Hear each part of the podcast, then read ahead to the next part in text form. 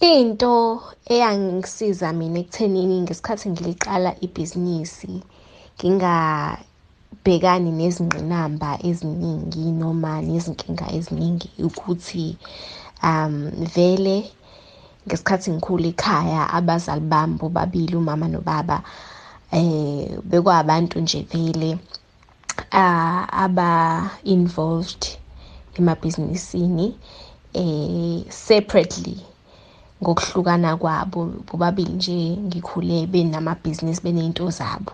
Eh nanokuthi ke futhi ke um ngesikhathi ngifunda emabangeni aphansi ngicabanga ukuthi ngangifunda u-standard one. Yes u-standard one ngicabanga ukuthi u-grade three loyo. Ngesikhathi ngifunda u-standard one ilapho ngaqala khona ukudayisa. Lapho-ke ngase ngenza ubuhlalu amacici amabhengela imigexo. So ngaleso sikhathi ngidayisa ngangidayisa through umamkhulu wami. Umamkhulu wami uyena owayengidayisela mina ngakha ubuhlala eceleni bese nginika yena njengothisha angidayisele. Ekuhambeni kwesikhathi ngase ngifunda ngesikhathi ngifunda umatikuletsheni ngase ngidayisa usweet obizwa ngokuthi phengo lapho ngase ngi-engage eh nabafundi. Sekuyimina ke manje ngiyidayisela mina phambili mathupha. Ekuhambeni kwesikhathi sengise-tertiary ngase ngadayisa ama-perfume inuka eh ngase-ke ngigcine-ke sengivula ibhizinisi lamathawula. So before ngize ngifike ebhizinisini lamathawula ngangilokhu ngidayisa nje kwama-informal businesses ngingena kuwona.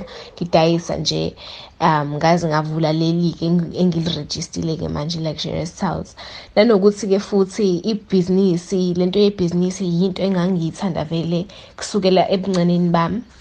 Yinto engangiyibona ngiyenza kodwa futhi manje ngilokhu ngiyibuza ngiyiphendula ukuthi ngizoyenza kanjani. Yabo kumele ngiqale ngisebenze kwezinye iy'ndawo ngaphambi kokuthi ngizenzele into yami. Nanokuthi futhi ngangikade ngikhethe iy'fundo ey'fana njengo-business studies ne-accounting. Lezo y'fundo lezi izona ezazumgogodla noma ngisho ukuthi umsuka ukuthi ngikwazi ukwenza um amabhizinisi ami ngoba izinto zazibhalwe phansi siyifunda sisemaklasini so ngesikhathi sekumele ngizenze kwangekho nzima kwakulula kakhulu. Nanokuthi futhi ngaphambilini ngicabanga ukuthi ngangifunda umatikuletsheni ngangenelele i-competition eyayihostwe i-University of Johannesburg i-Finance Olympiad. Mayelana ne-accounting as well as i-business studies eh angiwinanga ku-first place kodwa ngaphuma nje ekuthenini ngikwazi ukudlulela phambili. Ngaphinde futhi e-DUT nga-receive isitifiketi sakuka-luxurious towels esishoyo ukuthi i-venture lena iyawathola amaphoyinti ukuthi ingaphumelela and futhi ingaba i-success.